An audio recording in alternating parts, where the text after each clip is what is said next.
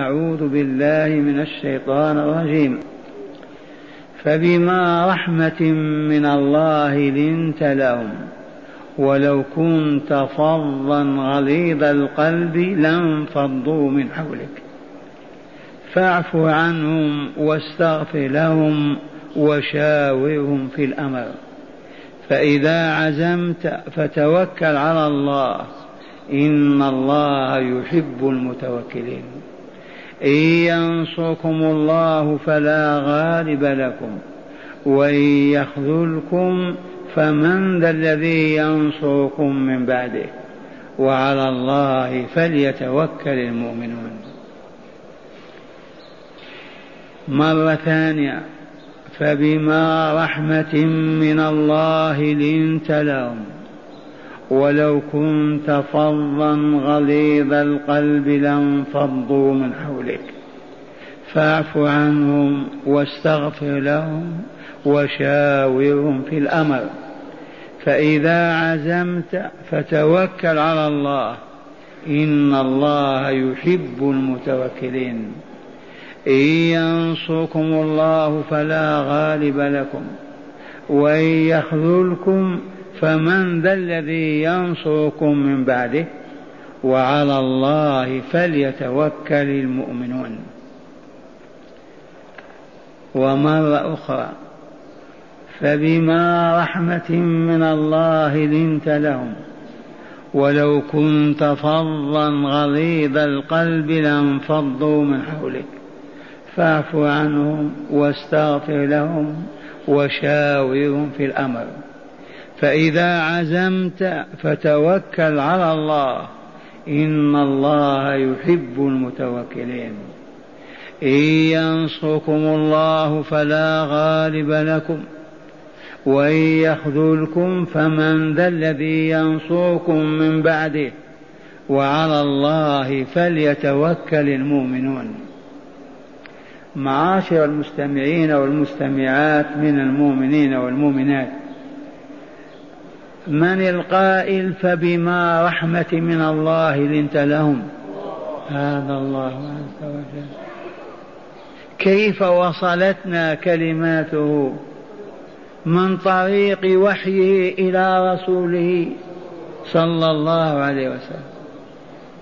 أوحى إليه هذا القرآن من كلمة قرأ باسم ربك إلى آخر آية واتقوا يوما ترجعون فيه إلى الله ثم توفى كل نفس ما كسبت وهم لا يظلمون.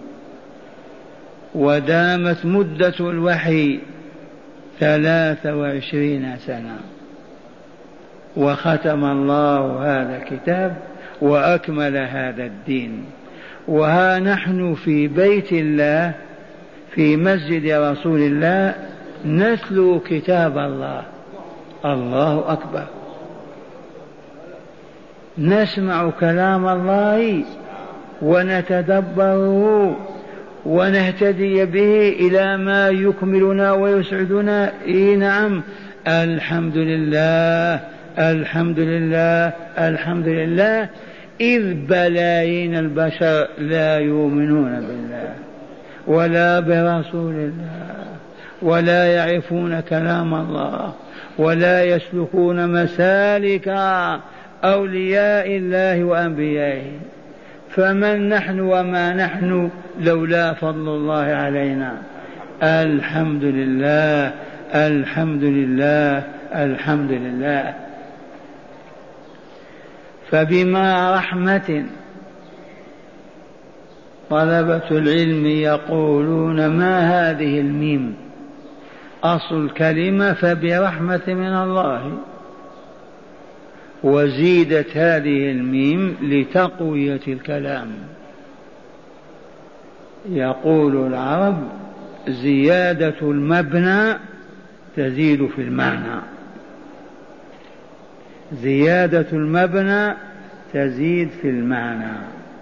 إذا الأصل فبرحمة من الله فزيدت الماء الميم لتقوية الكلام وتقوية المعنى. فبرحمة والتنكير هنا يدل على التعظيم أيضا. رحمة عظيمة. مصدرها من أين أتت هذه الرحمة؟ من الله. فبرحمة من الله. لنت لهم يا رسول الله. لأن ولم يتشدد عفا ولم يواخذ أصفح ولم يؤنب. هذه رحمة الله رحم بها أولئك الأصحاب الذين فروا منهزمين يوم أحد. فلو كان الرسول صلى الله عليه وسلم شديد قاسي القلب لا عطف ولا لين لقسى في وجوههم وعليهم وهربوا وشردوا وعادوا إلى الكفر والعياذ بالله. وبذلك يخسرون خسرانا أبديا. لكن رحمة الله التي ألقاها عليك وغمرك بها وغشاك إذا لنت لهم. فلا شدة ولا غضاضة ولا غضب ولا تألم ولا تحصر أمامهم. من فعل هذا برسول الله؟ الله جل جلاله. لماذا؟ من أجل أوليائه أصحاب رسوله صلى الله عليه وسلم. كونهم زلت أقدامهم وهربوا خائفين شاردين من الموت هذا لا يسلبهم إيمانهم ولا حبهم في الله ولا جهادهم. ما جاهدوا وما زالوا يجاهدون. ولو كنت يا رسولنا فظا غليظ القلب الفظ هو الخشن. في معاملاته. شرس في أخلاقه. وحاشا رسول الله صلى الله عليه وسلم. بل كان رقيقا في معاملتهم. يعاملهم بالرفق والعطف واللين ولو كنت فظا غليظ القلب لانفضوا من حولك وانصرفوا وتركوك. ممكن هذا؟ إي والله. من أخبر بهذا؟ لو كان الرسول أعلن عن غضبه كما نغضب نحن وشتم يا كذا يا منازمين كذا يشهدون لم يبقى واحد إلا من شاء الله. ويلتحقون بأبي سفيان. لكن الله أضفى على رسوله هذا الكمال الخلقي فما استطاعوا أن يبعدوا من ساحته وهذا تدبير الله عز وجل. رحمة بأوليائه المؤمنين أصحابه من المهاجرين والأنصار. إذا فبناء على هذا فاعفوا عنهم ولا تواخذهم. أكسبناك هذا اللين وهذا العطف وهذه الشفقة وهذا الرحمة من أجلهم إذا فاعفوا عنهم. ولا تواخذ أحدا منهم. هذا أولا. واستغفر لهم الله عز وجل. ليغفر لهم زلة فرارهم وانهزامهم أيضا. ثالثا وشاورهم في الأمر. لا تستهن بهم أو لا تبالي. هؤلاء فروا منهزمون. عصوني. لا. واتخذ من أعيانهم ورجالاتهم وبصرائهم وأولي الحل والعقد من تستشيرهم في أمور دنياك كالجهاد ومتطلبات وما إلى ذلك. وشاورهم في الأمر.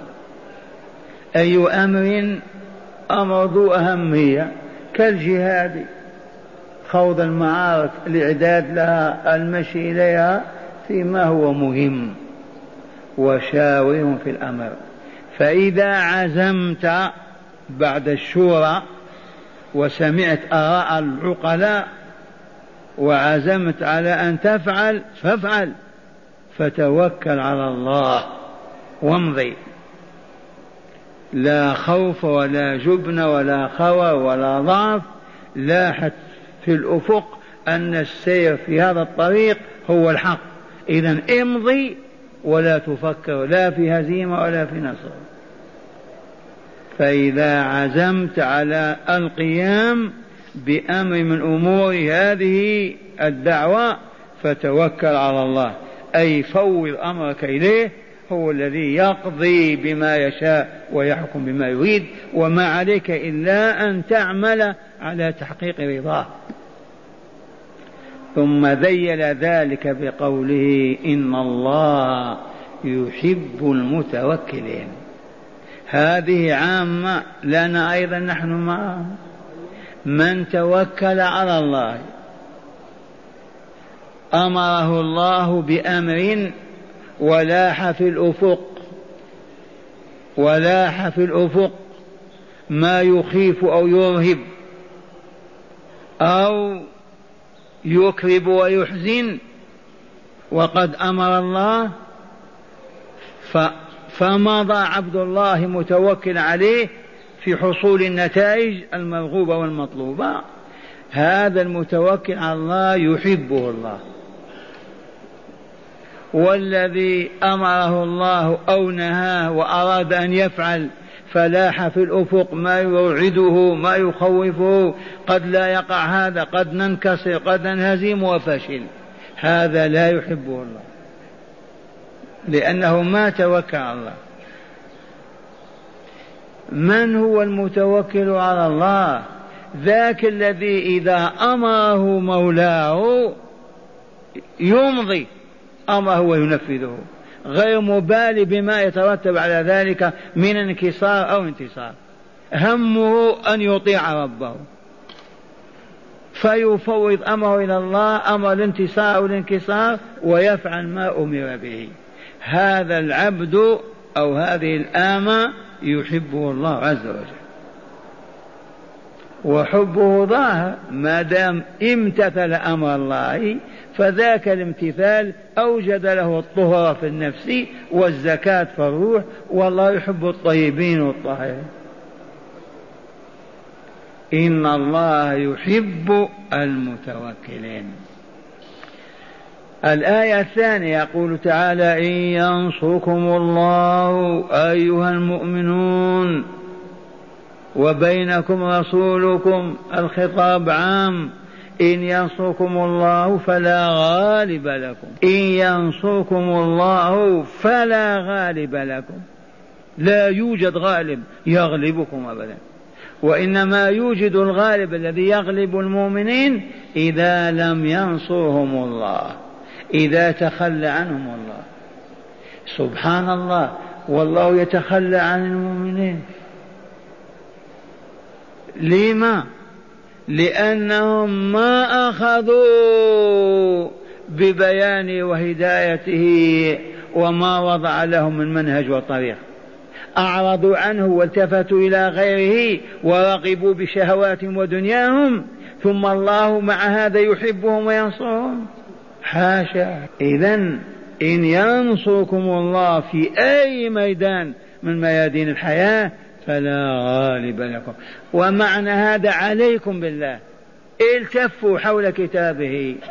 التفوا حول بيانه وشرعه وهدايته. ولا تخافوا الأبيض ولا الأسود. ولا المشركين ولا الكافرين. فإن من يتوكل على الله ينصره الله. ومن نصر الله والله لا يغلبه غالب. ابدا. وإن يخذلكم أي الله أيها المؤمنون وإن يخذلكم فمن ذا الذي ينصركم من بعد؟ أشيروا لا عبد القادر ولا سيدي البدوي. شكا إلي أحد الأبناء قال بين للناس الجهل الذي حول الحجرة الشريفة والناس لا يحسنون الزيارة ولا يعرفون كيف يسلمون والشركيات والباطل. قلت له ماذا؟ نصنع بينا وقلنا من أراد أن يزور قبر رسول الله صلى الله عليه وسلم فليأتي متطهرا يصلي ركعتين في مسجده ثم يقف على حجر باب حجرته ويقول السلام عليك أيها النبي ورحمة الله وبركاته. صلى الله عليك وعلى آلك وأزواجك وذرياتك أجمعين. انتهت يا أو السلام عليك يا رسول الله ورحمة الله وبركاته. ويسلم على الشيخين ويمشي. هكذا إي والله هكذا. لا شيء غير هذا لا شيء. لكن والأمة الجاهلة هل كلمة هذه الآن بلغت منفذها؟ نحتاج إلى تربية وتعليم في بيوتنا وفي بيوت ربنا في قرانا ومداشرنا وأحيائنا. العام والعامين والثلاثة والعشر سنين حتى نفقه ونفهم ونعلم ما تكفي كلمة أبدا. ثم لو كنا بصرا ها نحن نسلم على رسول الله ونحييه؟ والله في كل صلاة. ونحن في أمريكا أو في اليابان. ما هو في المدينة؟ إذا جلسنا بين يدي الله ونقول التحيات لله والصلوات والطيبات السلام عليك أيها النبي ورحمة الله وبركاته. في سلام أعظم من هذا؟ هذا الذي علمنا رسول الله صلى الله عليه وسلم. وما كنا نعرف معرفة يقينية أننا نواجه ونسلم عليه ويسمعنا. الآن موقنون. إذا كنت متطهرا بين يدي الله قد صليت الركعتين أو الفريضة وقلت السلام عليك أيها النبي ورحمة الله وبركاته. والله لبلغت وسمع أكثر من تليفونك في بيتك. الشاهد عندنا هو هكذا. أما الذين يتمسحون ويتبركون ويقولون الباطل ويدعون كلهم جهال كيف يزال جهلهم؟ قولوا لا بد من العلم والتربية ولا لا؟ كيف يتعلم هذا الذي ما جلس في مجلس كهذا طول حياته؟ من أين يتعلم؟ لولا الله عز وجل أوجد هذه الحكومة الإسلامية وإذا غضب بعض الإخوان سامحناهم. أكثر من كلمة الشيخ يمدح الحكومة. نجحد. والله لولا هذه الحكومة لرأيتم العجب حول هذه الحجرة. من أنواع الشرك والباطل. ومع هذا عسكر وهيئة وكذا وهم يشكون من أمة جاهلة هابطة. ماذا تصنع لها؟ إذا إن ينصركم الله فلا غالب لكم أيها المجاهدون وإن يخذلكم لمعصيته والخروج عن طاعته وعدم الأخذ بأسباب النصر فمن ذا الذي ينصركم؟ من أهل الأرض والله لا أحد. وعلى الله لا على غيره وحده فليتوكل المؤمنون. فليعتمدوا على الله وليفوضوا الأمر إليه ويفعلوا ما أمر ويتركوا ما نهى. وليترتب على ذلك ما يترتب من ذل أو هون أو فقر أو ذل أو نصر وعزه وسياده وغنى. هذا يترك لله فقط. طبق أمره وفوض أمر النجاح إليه. وعلى الله لا على غيره لا على سواه. فاللام للأمر. فليتوكل من هم المؤمنون. ال هذه تدل على عراقة الوصف ومتانته ما قال فليتوكل المؤمنون. المؤمنون البالغون الكمال في إيمانهم علما ومعرفة واعتقادا ويقينا. هيا أعيد عليكم الآيتين قبل أن نأخذ في الشرح في الكتاب. يقول تعالى اسمع. فبما رحمة من الله لنت لهم. ولو كنت فظا غليظ القلب لانفضوا من حولك. فاعف عنهم واستغفر لهم وشاورهم في الأمر. فإذا عزمت فتوكل على الله. إن الله يحب المتوكلين.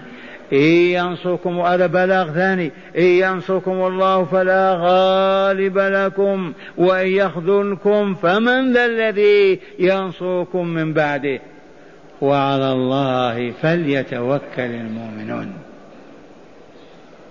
الآن نزداد علما بالشرح.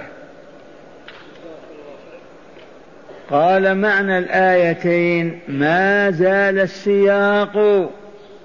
سياق الحديث سياق الكلام في طريق واحد. ما زال السياق في الأدب والنتائج المترتبة على غزوة أحد. ففي هذه الآية يخبر تعالى عما وهب رسوله وأعطاه من الكمال الخلقي الذي هو قوام الأمر. ما وهبه الله من الكمال الخلقي الذي هو قوام الأمر.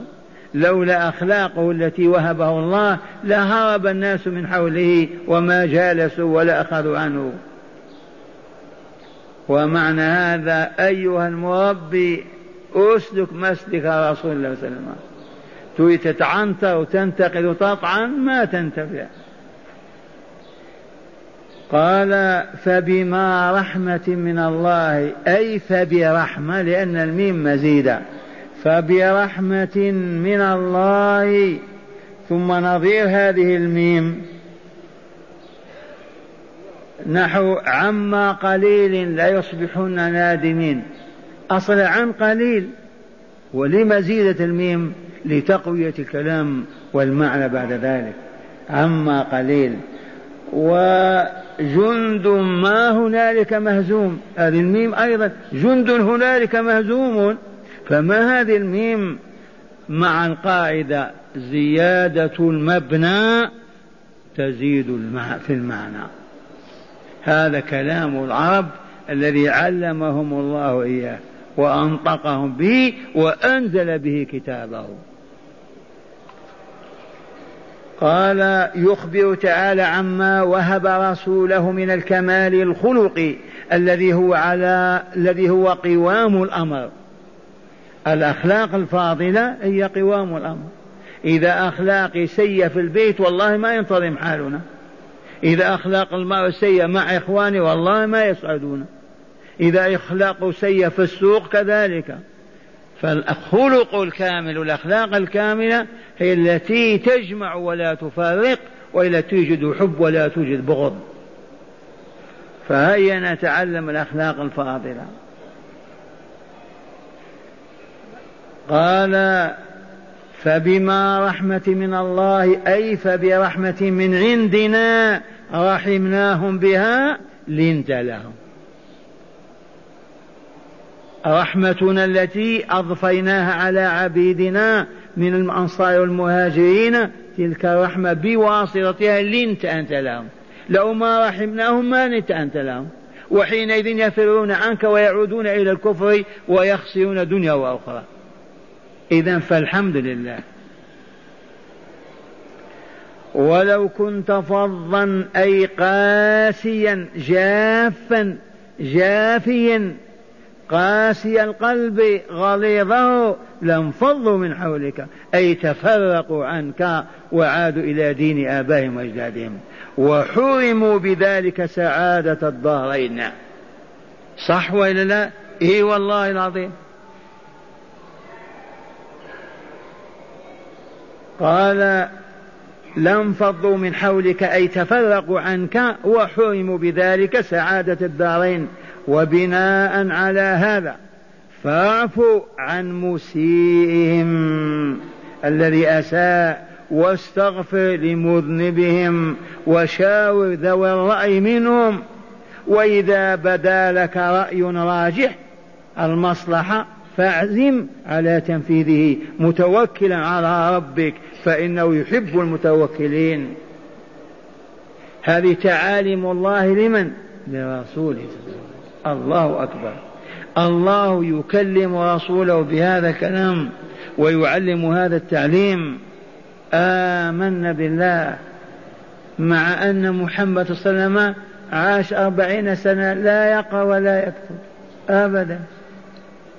أربعين عاما أمي أمي والله أمي. صفاته في التوراة والإنجيل أمي. والأمي الذي ما فارق حجر أمه, أمه حتى يتعلم. قال وإذا بدا لك رأي راجح بعد الاستشارة راجح المصلحة فاعزم على تنفيذه متوكلا على ربك فإنه يحب المتوكلين ومن أحبه الله أخزاه أذله أشقى لا والله. أكرمه وأعزه وأعلى شأنه. والتوكل هو الإقدام. اسمع عبد الله.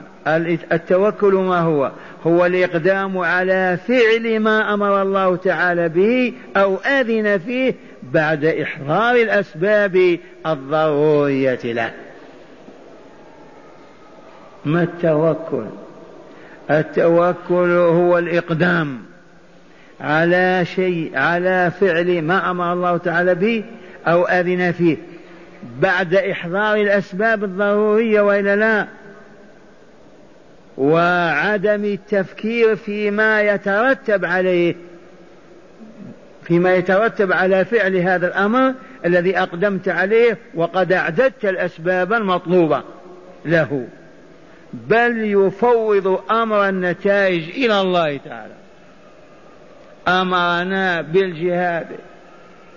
فأعددنا عدتنا وخرجنا نحمل سلاحنا. غير مفكرين نصر هزيمة لا يخطر ببان هذا. نريد فقط أن نطيع ربنا فيما أمرنا به. قال هذا ما تضمنته الآية الأولى. أما الآية الثانية فقد تضمنت حقيقة كبرى. يجب العلم بها والعمل معا. مرة ثانية. قال فقد تضمنت حقيقة كبرى. يجب العلم بها اولا والعمل دائما بمقتضاها. وهي أن النصر بيد الله والخذلان كذلك. فلا يطلب نصر إلا منه تعالى ولا يرهب خذلان إلا منه عز وجل. الذين لا يؤمنون بالله ولا يعرفون هداه كيف يطبقون هذا ويعرفون؟ لا بد من المعرفة. العلم أولا فاعلم أنه لا إله إلا الله واستغفر ذنبك لا بد من العلم.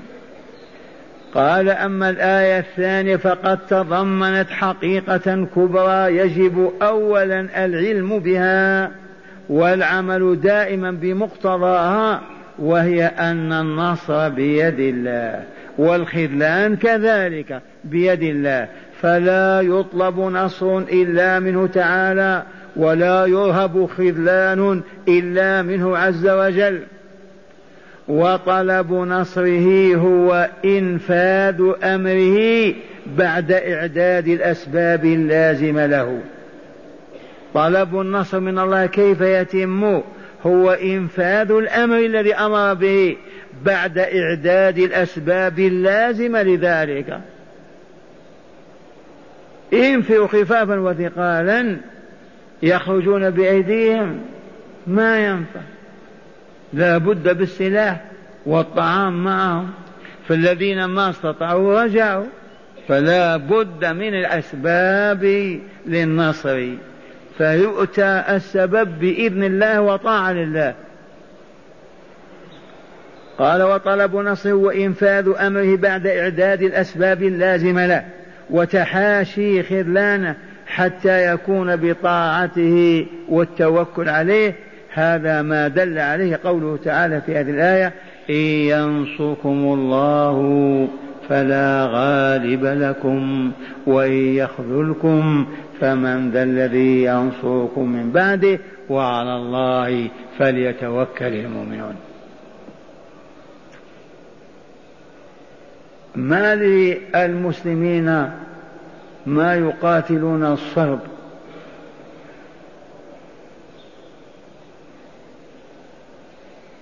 سمعتم قوات تحركت من العالم الإسلامي.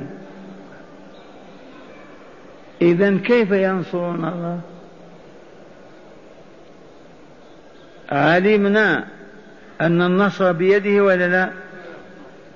وأن الخذلان بيده؟ وأن نصره يطلب منه بإعداد العدة وأخذ الأسباب ولا لا؟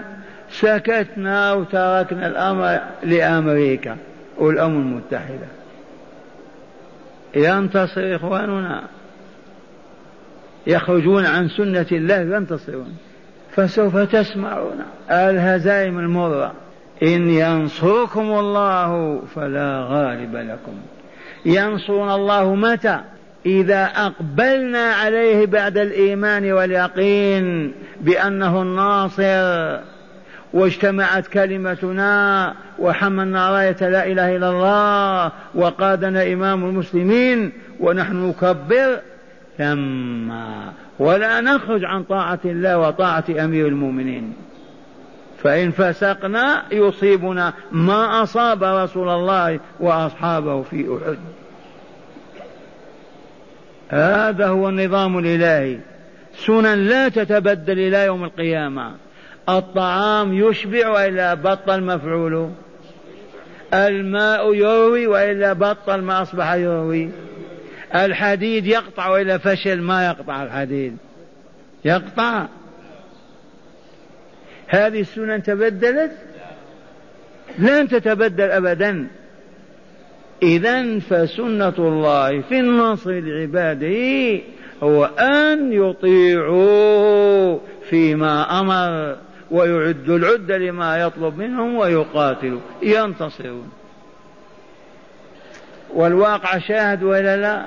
والآن هداية الآيتين لنقف على هداية الآيتين ونذكرها إن شاء الله ينفعنا الله بها.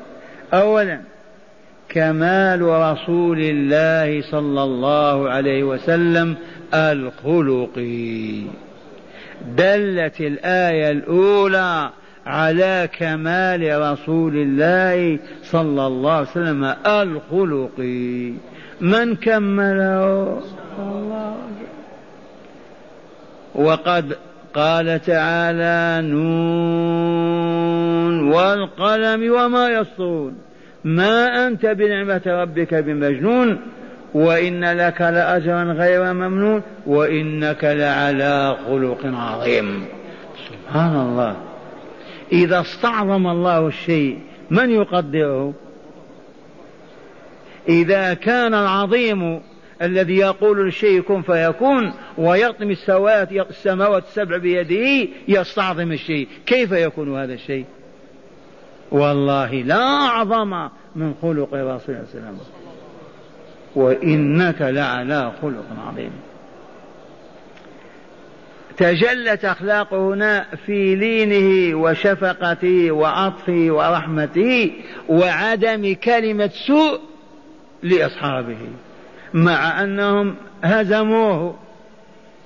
حتى انكسرت رباعية شج وجهه دخل المغفر في رأسه مات عمه. بعد هذا هل شتم أحدا وسبه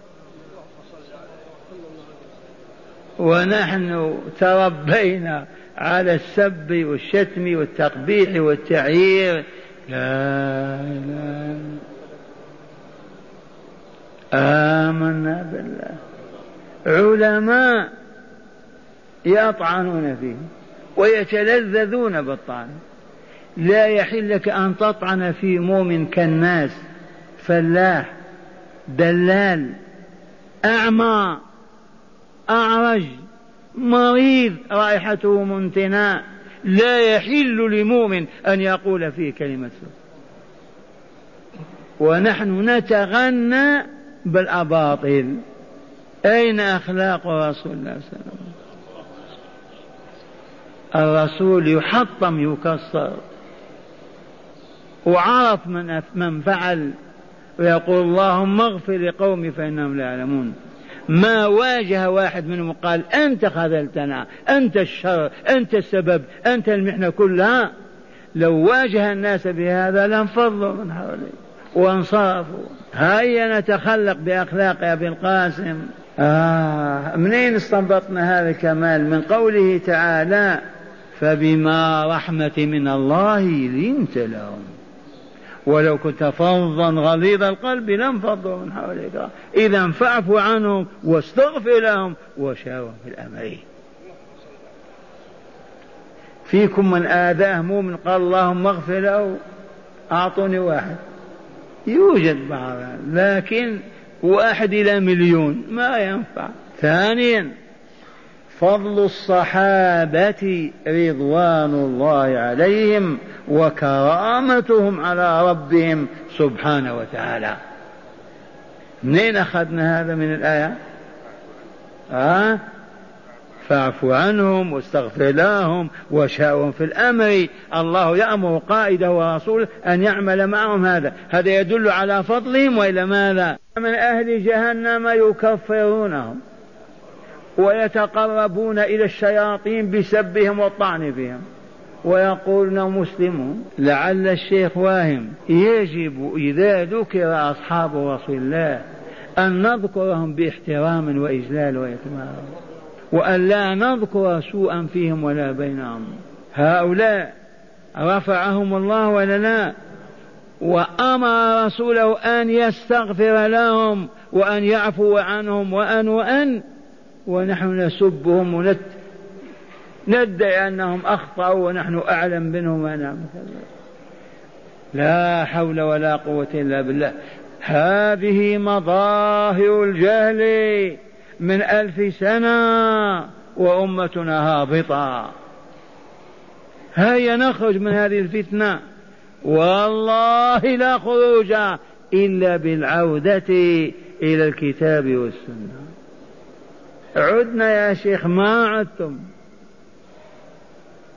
العودة هي أن نؤمن إيمانا يقينيا وأن نلزم بيوت ربنا بنسائنا وأطفالنا ورجالنا من المغرب إلى العشاء في كل قرانا ومدننا. نتلقى الكتاب والحكمة طول الحياة.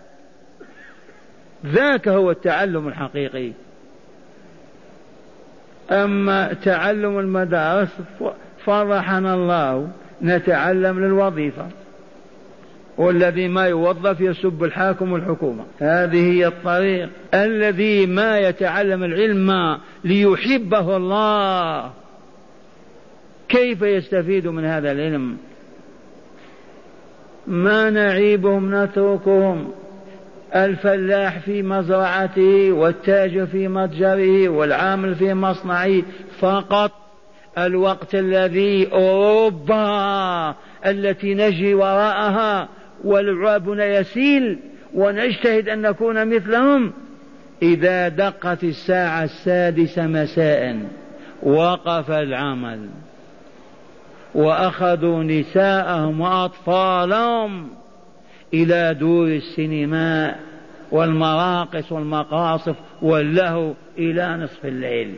ونحن ما نستطيع أن نذهب إلى بيت ربنا لنزكي أنفسنا ونطهر أرواحنا ونخرج من ظلمة الجهل الذي هبط بنا. ما نستطيع. كيف تستطيعون أن تخترقوا السماء وتنزل الجنة مع الأبرار؟ مع هذا نسمع من يطعن وينتقد يقول إيش هذا وكيف هذا وكيف هذا؟ ماذا نقول؟ نبدأ نكذب يعني؟ والله لا طريق إلا هذا. الجهل معوق. الجهل يفقد صاحبه الإيمان بالله والثقه به. إن كنا واهمين فاذكروا لو يحصى الزنا والفجور في العالم الإسلامي لقلتم خمت الدنيا وتخبدت هذا يحصل من أهل الإيمان واليقين؟ أما الغش والخداع والكذب والسب والشتم والتعيير لا تسأل. ما سبب هذا العلم؟ الجهل بالله تعالى ومحابه ومساخطه قال ثانيا فضائل الصحابة رضوان الله عليهم وكرامتهم على ربهم عز وجل.